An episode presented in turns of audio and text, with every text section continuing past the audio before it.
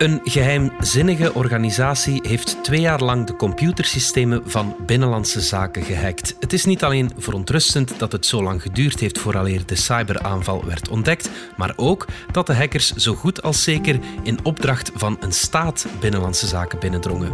Is hacking de geopolitieke toekomst en wat kan België doen om zich beter te beveiligen? Het is maandag 31 mei. Ik ben Alexander Lippenveld en dit is vandaag de dagelijkse podcast van de Standaard.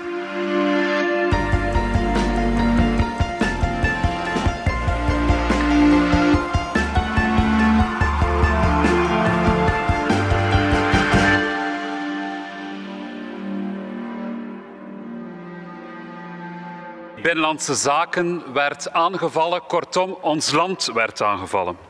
Binnenlandse Zaken is de centrale schakel in de besturing en de beveiliging van België.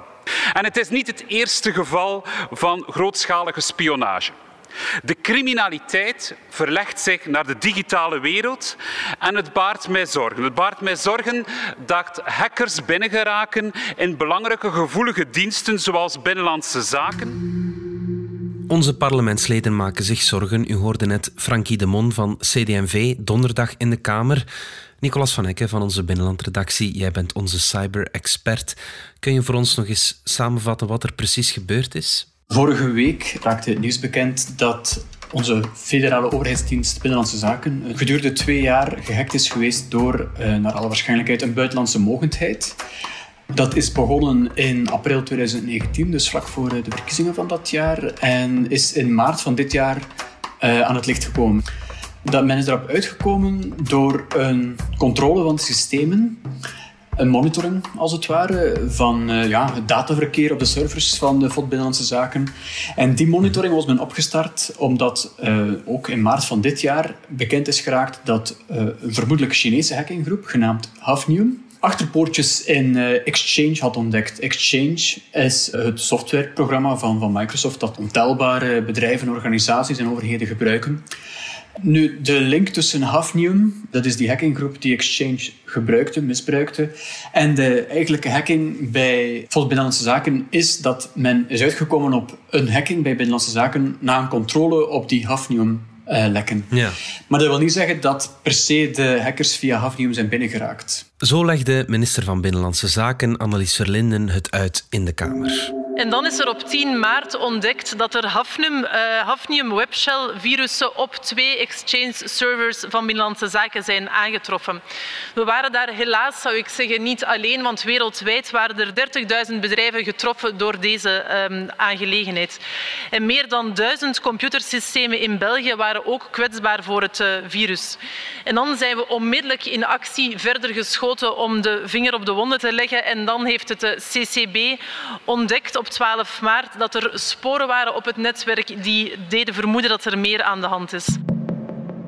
Het heeft wel twee jaar lang geduurd dat ze het systeem hebben kunnen hacken. De eerste sporen van de inbraak dateren van april 2019. En dat is inderdaad het heel frappante, of een van de heel frappante aspecten aan deze zaak, dat het twee jaar heeft geduurd tot men erop is gebotst. Doordat er een andere aanleiding was om een monitoring uit te voeren eigenlijk. Mhm. Je haalt Hafnium al aan. Kunnen we met zekerheid zeggen dat zij die hack hebben uitgevoerd? Nee, het dichten van het hafniumlek was een aanleiding om die monitoring uit te voeren, waardoor die hack dan is ontdekt. En bovendien is het heel moeilijk, de laatste jaren uh, meer en meer, om een inbraak en om een evenwel computersysteem toe te wijzen aan een verdachte.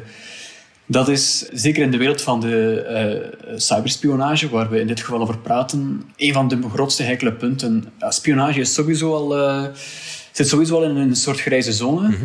En doordat alles zich afspeelt op IT-systemen, is daar eigenlijk nog een extra laag van geheimzinnigheid, als je het zo wilt noemen, bijgekomen. Want het is heel gemakkelijk om je voor te doen als iemand anders online. Dat weten we ja, allemaal maar al te goed. En wie heeft de opdracht gegeven om die hack uit te voeren? Wel, waar men bij de beveiligingsdiensten het zeker over eens is, is dat het een ander land was. Het is state-sponsored hacking. Men leidt dat af eh, op basis van de manier waarop de hacking is gebeurd. Het is blijkbaar een vrij complexe aanval geweest. Maar ook uiteraard het doelwit. Hè. De FOD Binnenlandse Zaken, er zijn weinig criminele organisaties die zich ook heel veel bedienen natuurlijk van cyberinbraken, die er baat bij zouden hebben om, om de FOD te hacken. Uh, daar valt eigenlijk geen geld te rapen. En de eerste doelstelling van criminele organisaties in cyberspace is, is geldbejag natuurlijk.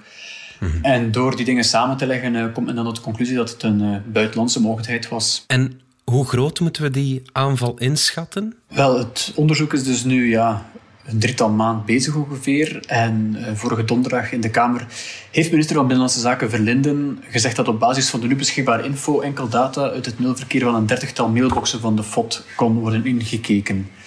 Uh, De mhm. databanken zouden gevrijwaard gebleven zijn van de hacking. En dan vervolgens op 26 maart hebben we moeten vaststellen dat bepaalde data geëxfiltreerd werden uit 32 mailboxen van eh, kabinetsleden en medewerkers van Binnenlandse Zaken. Voor alle duidelijkheid, en ik wil dat hier eh, met stip onderstrepen, op basis van de beschikbare informatie gaat het over data uit een mailserver en niet over data van grote databanken, zoals de premier net ook al uh, zegde, wat toch een fundamenteel verschil is. Verlinden benadrukt ook nogmaals dat het om een erg gesofisticeerde aanval ging. Ze spreekt van een bijna chirurgische operatie, waarbij de aanvaller zich heel geleidelijk en zo goed als onzichtbaar in het netwerk heeft genesteld. Collega's, het zijn niet alleen de ingenieuze technieken waarmee de aanvaller uh, gewerkt heeft die in het oog springen, maar ook de gedegen en gefaseerde voorbereiding van die uh, aanval. Het ging hier niet om een lawaardige hit-and-run van de servers, maar wel om een bijna chirurgische operatie waarbij uh, die aanvaller zich heel geleidelijk en zo goed als onzichtbaar in een netwerk heeft genesteld. Wat doet die bepaalde buitenlandse mogendheid dan met die informatie die ze bekomen hebben? Alle informatie komt van pas om je relatie tot je vijand of je bondgenoot eh, in diplomatieke betrekkingen eh, vast te stellen. Dus elke snipper die je binnenhaalt ja, kan weer tot een nieuw inzicht leiden. En er zijn heel veel landen, ook België doet daaraan natuurlijk, aan, aan eh, inlichtingen winnen. Mm Zij het op een eerder defensieve manier, terwijl heel veel inlichtingendiensten, zeker van de, van de grote mogelijkheden, die doen dat op een zeer offensieve manier. De States, de UK, Frankrijk ook. Als we naar het oosten kijken, spreken we over Rusland en China natuurlijk. Iran ook zeer offensief. Mhm. En zoals ja, spionage een soort verdoken verlenging is bijna van diplomatie, al, al decennia of eeuwenlang, is dat nu zich gewoon aan het voortzetten in, uh, in een informatica-netwerken. Ja. Ik trap een eh, zeer open deur in als ik zeg dat de wereld sterk gedigitaliseerd is. Dat geldt voor alle aspecten van de maatschappij. Dus ook voor overheidsdiensten. En dan is het gewoon een extra instrument om meer te weten te komen over een ander land. De systemen die zijn intussen uh, gesecuriseerd. Ten tweede, het uh, Centrum voor Cybersecurity bevestigt dat er geen andere overheidsdiensten uh, geïnfiltreerd zijn. En ten derde is door het federaal uh, parket bevestigd dat er geen toegang geweest is tot persoonsgegevens of tot geclassificeerde gegevens. Dit soort informatie staat buiten dat netwerk en wordt op een andere manier beveiligd. Dat was premier Alexander De Croo. Nicolas, is er mogelijk bepaalde gevoelige informatie gestolen? En kunnen wij daar last van ondervinden als kleine garnalen, laat het ons zo zeggen? Ik denk nu als kleine garnaal of als, als doorsnee Belgisch individu dat deze hacking voor, op persoonlijk niveau weinig impact heeft, om niet te zeggen geen. Het is al meermaals benadrukt, onder meer door het Centrum voor Cybersecurity, dat er geen geclassificeerde informatie zou gestolen zijn, ook geen identiteitskaartgegevens of zo bijvoorbeeld. Maar ja, wie binnenzit bij de overheidsdienst die instaat voor de besturing en beveiliging van ons land, die heeft wel toegang tot informatie die, uh, ja, die liever binnenskamers wordt gehouden. Dat gaat over de organisatie van die overheidsdienst, over de organisatie van de verkiezingen, over politionele werking, over budgetten, over de structuur van de dienst. Ja, het is ook gewoon, dit kan gewoon ook een, een, een manier zijn om meer te weten te komen over andere doelwitten. Dan wordt er op die andere doelwitten meer uh, gespioneerd. We moeten dit ook niet zien als, als een alleenstaand gegeven. Dit wordt door uh, de inlichtingendienst die het heeft gedaan, dan samengelegd met andere informatie, ja, men is daar intussen heel, heel, heel bedreven in geworden om al die dingen eh, goed te ontsluiten. Is dit iemands fout eigenlijk? Een boetade in, in de wereld van de cyberbeveiliging is dat elk systeem kwetsbaar is. Elke organisatie kan vroeg of laat te maken krijgen met een hacking. Wat wel vervelend is in deze zaak, is dat het twee jaar heeft geduurd. Het is de bedoeling dat normaal gezien een inbraak toch zo snel mogelijk aan het licht komt. Maar uh, zolang ook niet duidelijk is hoe die hackers precies zijn binnengeraakt, ja, eh, is het moeilijk om te zeggen of er een fout is gemaakt in de beveiliging. Het is ook niet uitgesloten dat, het bijvoorbeeld, dat men is binnengeraakt door een phishing mail. Hè. Dat is uh, een heel courante praktijk. Mhm. dat er een vervalste e-mail wordt gestuurd naar een ambtenaar binnen de FOD, die opent dat, of die opent de bijlage, eh, die, die op de website is ge, gelieerd. En zo wordt er malware geïnjecteerd op het netwerk en is men vertrokken. Dat kan zo eenvoudig zijn. Ja, er zijn, er zijn heel veel... Een vector heet dat dan. Hè. De vectoren waar langs een aanval plaatsvindt. Er zijn zoveel mogelijkheden. Ja, het kan ook zijn dat er een USB-stick op een apparaat is gestoken die niet, dat, die niet beveiligd was. Het kan zijn dat er hmm. uh, smartphones tijdens handelsreizen zijn geïnjecteerd met malware en dat is voortgezet op uh, binnenlandse zaken. Dat is allemaal speculatie ook, vooral duidelijkheid. Hè. Dus er is nog geen ja. Uh, definitieve duidelijkheid over de vector. Het is te beginnen altijd aannemelijk dat er gewoon van op afstand is gezocht naar een gat in een computernetwerk en dat er zo is gehackt. Dat is heel oldschool. Uh, al van de begindagen van het internet gebeurt dat. Misschien is het ook gewoon zo gebeurd. Ja, maar hoe dan ook, het is twee jaar onopgemerkt gepasseerd de alarmsystemen die werken niet helemaal goed. Of hoe moeten we dat zien? Dat hangt af van, van hoe gesofisticeerd een aanval is. Er zijn altijd nieuwe technieken om binnen te geraken. En eh, het is altijd wat achterop hinken voor beveiligingssystemen ook. Hoe reageert de minister van eh, Binnenlandse Zaken, Annelies Verlinden? Minister Verlinde, maar ook andere betrokken ministers, die grijpen dit aan om te pleiten voor een uh, verdere investeringen en verbetering van de cyberveiligheid. Dat is ook heel logisch. Uh, dat is een constante wedloop eigenlijk. En het kan nooit kwaad om daar een tandje in bij te steken. Sophie Wilmes van Buitenlandse Zaken, die uh, wil die hackers te lijf gaan met diplomatieke attributie. Wat is dat juist? Dat is, ja, dat is een zeer interessant en eigenlijk heel nieuw gegeven voor België. Een tiental dagen geleden is er een nieuwe cyberstrategie afgeklopt. Dat is een enorm omvattend document dat echt van, van de kleinste smartphone tot het meest complexe computersysteem van de overheid een, een soort uh, ja, een lijn moet uh, bepalen voor hoe we dat beveiligen en hoe we daarmee omgaan. Diplomatieke attributie maakt daar ook deel van uit. En wat is dat? Tot hiertoe, als er een systeem wordt gehackt van de overheid, dan wordt er een onderzoek opgestart. Dat is ook gebeurd bij de FOD Binnenlandse Zaken natuurlijk. Maar ja, vroeg of laat wordt er op een muur gebotst. Dat kan bijna niet anders, omdat de middelen voor een onderzoek zijn niet oneindig. En als de daders hun sporen goed gemaskeerd hebben, ja, dan, mhm. dan eindigt dat op een seponering. Maar er kunnen wel altijd zo aanwijzingen zijn, of zelfs meer dan dat, die ook al zouden ze in de rechtbank stand houden, of ook al heeft het geen zin om naar de rechtbank te gaan met die aanwijzingen zelfs, die wel reden kunnen zijn om diplomatiek een eh, attributie uit te spreken, een, een toewijzing eigenlijk, iemand verantwoordelijk te stellen voor de aanval. Mhm. En dat is nu iets nieuws wat zou gebeuren. Uh, minister Wilmes heeft daarvoor ook blijkbaar ook al de procedure in gang gezet om de diplomatieke attributie voor deze aanval toe te kennen. Wat volgens mij dan betekent dat er naast het gerechtelijke luik dat loopt, er een diplomatiek pad nu wordt bewandeld, dat er daarvoor ja, elementen worden verzameld, er wordt een rapport gemaakt en dan wordt beslist, ja, wat gaan we hier nu mee doen als uh, de dader min of meer duidelijk is. Mm Dat kan gaan van een ambassadeur die op matje wordt geroepen, dat kan gaan van een officieel schrijven. Aan la limiet kan het ook gaan over het land uitzetten van diplomaten. In de Verenigde Staten is dat bijvoorbeeld al gebeurd. Ja, opnieuw zitten we dan weer, weer in, dat, in dat schaduwspel van diplomatie en spionage. Ja. Ja, ja. want een dekmantel als diplomaten is heel courant in spionnekringen natuurlijk. Dus uh, ja, een goede inlichtingendienst weet ook wie er geleerd is aan een bepaalde ambassade als, als diplomaat, als, eh, als eerste secretaris of tweede secretaris, dat het eigenlijk iemand is die een dienst is van een inlichtingendienst. Ja. Er zijn lijsten van mensen van wie we weten dat ze hier eigenlijk werken als spion. En dan worden die bijvoorbeeld het land uitgezet. Nu, dat is wel een zeer zichtbare, een zeer forse maatregel. Uh, dat is al gebeurd natuurlijk, onder meer in verband met de Skripal-affaire in de UK. Uh, hebben verschillende Europese landen uh, diplomaten het land uitgezet. Ja, dat was die vergiftiging van die, die dubbelspion. Ja, exact. Nu, goed, dat gaat dan over de UK en, en, en Rusland. Twee ja, toch wel wereldmachten, om het zo te zeggen. Wij zijn op wereldschaal, laat ons heel eerlijk zijn, Nicolas, wij stellen niet veel voor. Hè? Als wij met ons vingertje gaan wijzen naar die grootmachten, wat haalt dat dan uit? Ja, dat moet misschien niet worden onderschat. Ik denk nog altijd ja, dat de factor Brussel en de mhm. instellingen die daar zijn wel enige gravitas geven aan ons land. Of misschien maken we ons dat zelf wijs, ik weet het niet. Maar eh, het gegeven ook op zich dat die eh, Europese diensten, dat, dat de NAVO hier zit, geeft ook wel aan dat er echt wel moet worden geïnvesteerd in cyberveiligheid. Want ja, het is dikwijls maar een kleine stap van een inbraak in een Belgische overheidsdienst naar een, uh, een dienst zoals de EU of de NAVO waar wordt ingebroken. Ja, en als je diplomaten uit het land waar de NAVO en uh, de Europese instellingen gevestigd zijn, als je die daar uitzet, dan, dan kan dat wel een grote impact hebben. Dat kan tellen als signaal. En bovendien is het ook niet omdat we een relatief klein land zijn dat we over ons heen moeten laten lopen, natuurlijk. We zijn terug na de reclame. Je overweegt een elektrische of hybride wagen? Luister dan naar Plan Elektrisch Rijden, een podcast waarin actrice en Joe DJ Elke van Mello Ik ben weg. op onderzoek gaat.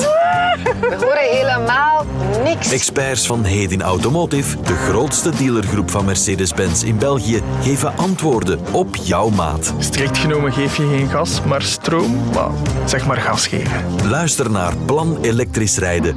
Oké, helder. Merci. Landen die de digitale systemen van andere overheden laten hacken, is dat het nieuwe cybergevaar? Ik zou niet zeggen dat dat een nieuw cybergevaar is. Dat is al heel lang bezig. Van zodra diensten gebruik maken van informatica, zijn ze ook kwetsbaar en is dat een vector om eh, informatie over hen te verzamelen. Information warfare maakt daar ook deel van uit. Hè, doordat het gewoon mogelijk is, door, eh, als je bijvoorbeeld inbreekt op een e-mailserver en daar alle e-mails neemt, daar staat heel veel informatie in, die kun je dan loslaten op de wijde wereld. Zoals bijvoorbeeld is gebeurd in aanloop naar de verkiezingen van 2016 in de States, hè, waar men eh, heeft getracht om eh, de Democratische Partij te ondergraven door daar eh, e-mails, interne e-mails over te lekken. Het gebeurt constant eh, dat, dat, elkaar de duvel wordt aangedaan via die digitale wegen. Jaren geleden bijvoorbeeld eh, is men erin geslaagd om Iraanse kerncentrifuges stil te leggen door daar malware op hun systemen te plaatsen. Er gebeurt constant van alles, maar het meeste zien we natuurlijk niet. Het komt zelden naar boven.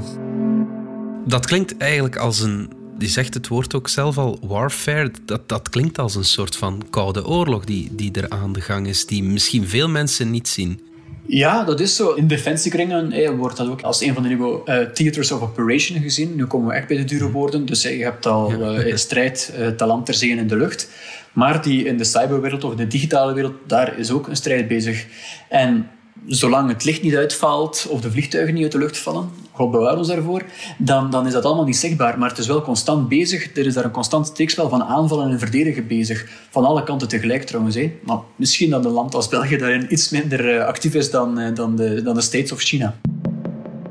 Is het eigenlijk de eerste keer dat ons land wordt getroffen door zo'n, door zo'n cyberaanval? Nee, het is zeker niet de eerste keer. Er zijn al overheidsdiensten aangevallen in het verleden uiteraard ook. Eh, Buitenlandse Zaken bijvoorbeeld had in 2014 te kampen met een vermoedelijk Russische hacking, waarbij de malware Ouroboros of, of Snake werd genoemd. Een heel bekend voorbeeld is ook de hacking van eh, Belgacom, dat intussen Proximus heet. Maar die aanval was niet zozeer gericht tegen de Belgische staat, eh, maar wel tegen een dochteronderneming van Belgacom, dat eigenlijk de roamingdiensten van heel veel eh, landen voorziet. Bix heet dat. Het opvallende daarom was natuurlijk dat eh, de hacking was uitgevoerd door de Britse geheime dienst GCHQ via technieken van de Amerikaanse NSA. En dat is, ja, dat is bijvoorbeeld zo'n voorbeeld van, als dan de diplomatieke attributie al had bestaan, dan zou er vermoedelijk wel eens wat duidelijker met de vinger gewezen zijn naar het Verenigd Koninkrijk. Ja. Eh, want in, in een eindverslag van het federaal parket eh, dat die hacking onderzocht, stond ook letterlijk van ja, we zo- onderzochten onze sporen en we kwamen uit bij het Verenigd Koninkrijk toen we daar een verzoek om rechtshulp toezonden. En dat is een internationaal verzoek eh, van gerecht om elkaar te helpen. Dan kregen we als antwoord, nee, dat is niet aan de orde van de Britten. En dat is ja, redelijk ongezien en kan zelfs leiden tot een diplomatiek incident, was de voorzet die het federaal Ja. parket gaf. Maar daar is dan de regering Oost-Indisch doof voor gebleven. En ja, nu met dat nieuwe instrument van de diplomatieke attributie zou dat dus kunnen veranderen. Onze buren die ons aanvallen, dat, dat, dat vind ik wel opvallend.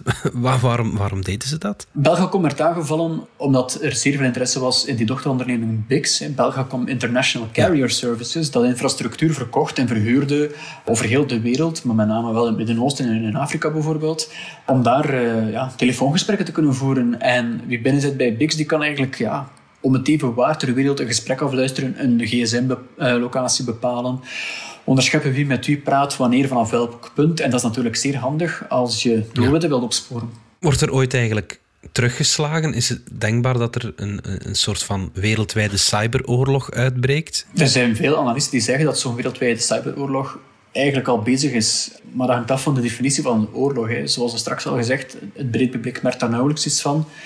Maar er is constant een steekspel, dat is misschien dan nog een veel te licht woord, wel bezig van, van aanvallen en verdedigen. Westerse mogelijkheden die komen daar vaak weer naar buiten als ze zijn aangevallen natuurlijk. Eh, maar die vallen ook terug aan de grote landen. Dus het is echt wel constant bezig. Cybersecurity is een van de belangrijkste veiligheidsrisico's geworden. Op internationaal niveau gaan we daar naar een zeer doorgedreven samenwerking. We nemen die dreiging zeer ernstig aan. Ik heb gesproken over het Cybersecurity Center en haar nieuwe strategie. We doen dat ook door bijkomende investeringen in mensen, bijkomende investeringen in expertise.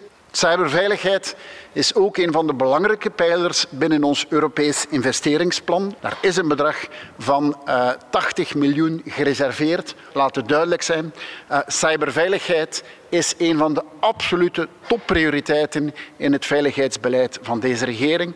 Totale veiligheid die bestaat nergens. Dat bestaat niet in de fysieke wereld, dat bestaat ook niet in de online wereld. Maar ervoor zorgen dat men maximaal beveiligd is en ervoor zorgen dat er backup systemen bestaan als er een probleem is, dat is een verantwoordelijkheid van elk van ons en deze regering zet dat ook zeer hoog op de agenda. Dank u wel.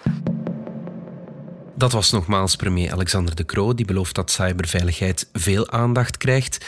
Nicolas, hoe staat België er vandaag voor? We doen meer en meer in ieder geval. Er is jarenlang heel veel jaloezie geweest op bijvoorbeeld Nederlanders, waar de budgetten en de investeringen veel hoger lagen. Eh, het blijft uh, een feit dat onze inlichtingendiensten dat die te weinig personeel hebben, te weinig budget. Um, zeker opnieuw als je uh, rekening mee houdt dat hier belangrijke internationale instellingen zijn gevestigd. Ja. Maar onder meer door die oprichting van het Centrum voor Cybersecurity België en de mensen die daar werken, is er wel een haalbeweging bezig. Maar dat moest ook echt wel. Zoals het vijf, zes, zeven jaar geleden was, dat was onhoudbaar. Dat waren nu echt drie zee van Europa. De, de groepen of de ploegen die, die met dit soort hackings aan de slag gaan, uh, om dat op te scholen, om dat te analyseren, om dat te onderzoeken, die blijven klein. Ook bij het federaal parket bijvoorbeeld is dat maar een handvol magistraten. Mhm. Maar de lijnen tussen al die mensen zijn wel heel kort. En dat kan ook een voordeel zijn. Dus ja, het is, het is klein maar fijn, maar zo moet het niet altijd blijven, want de dreiging wordt ook alleen maar groter. Minister Verlinden en premier De Croo klonken heel sussend in de Kamer op donderdag. Ze zeiden dat er niet al te veel gevonden was. Moeten we nu gerust zijn? Ja, kunnen we dat zijn. Het lastige van hackings is dat je dikwijls gewoon niet weet wat er is gestolen. Mhm. En zolang je dat niet weet, kun je inderdaad zeggen van... Uh, er is niets fundamenteels gestolen. Maar ehm, een goede hacker die, die verbergt zijn sporen, die verbergt waar hij heeft gezeten. En ja, dan zul je nooit weten wat er precies, eh, waar ze precies mee aan de haal zijn gegaan. Het probleem is waarschijnlijk ook dat ze die gegevens kopiëren en niet knippen. En daardoor kan je niet in een oogopslag zien. Ja, het is niet dat plots uw mails weg zijn, bijvoorbeeld. Inderdaad. Ja, zo slim voilà. wel, ja. Ze werken dan met verschillende lagen van encryptie. Dus zelfs als je dan een pakketje kan uh, opsporen dat naar... Uh, naar buiten wordt gestuurd, hè, naar hun eigen netwerk. Mhm. Dan moet je de encryptie kraken om te weten wat ze precies mee hebben en zo. Dus um, het hangt ervan af op welke systemen ze geraken en wat ze daar vinden om te bepalen uh, hoe gevoelig de informatie is waarmee ze aan de slag gaan. Maar het is ook niet omdat ze geen gevoelige informatie hebben gestolen dat die informatie van geen waarde is voor hen. Oké, goed. Nicolas van Hekken, dankjewel. Graag gedaan. Dit was vandaag de dagelijkse podcast van De Standaard. Bedankt voor het luisteren. Reageren kan via podcast.standaard.be. Alle credits vind je op standaard.be-podcast. Morgen zijn we opnieuw.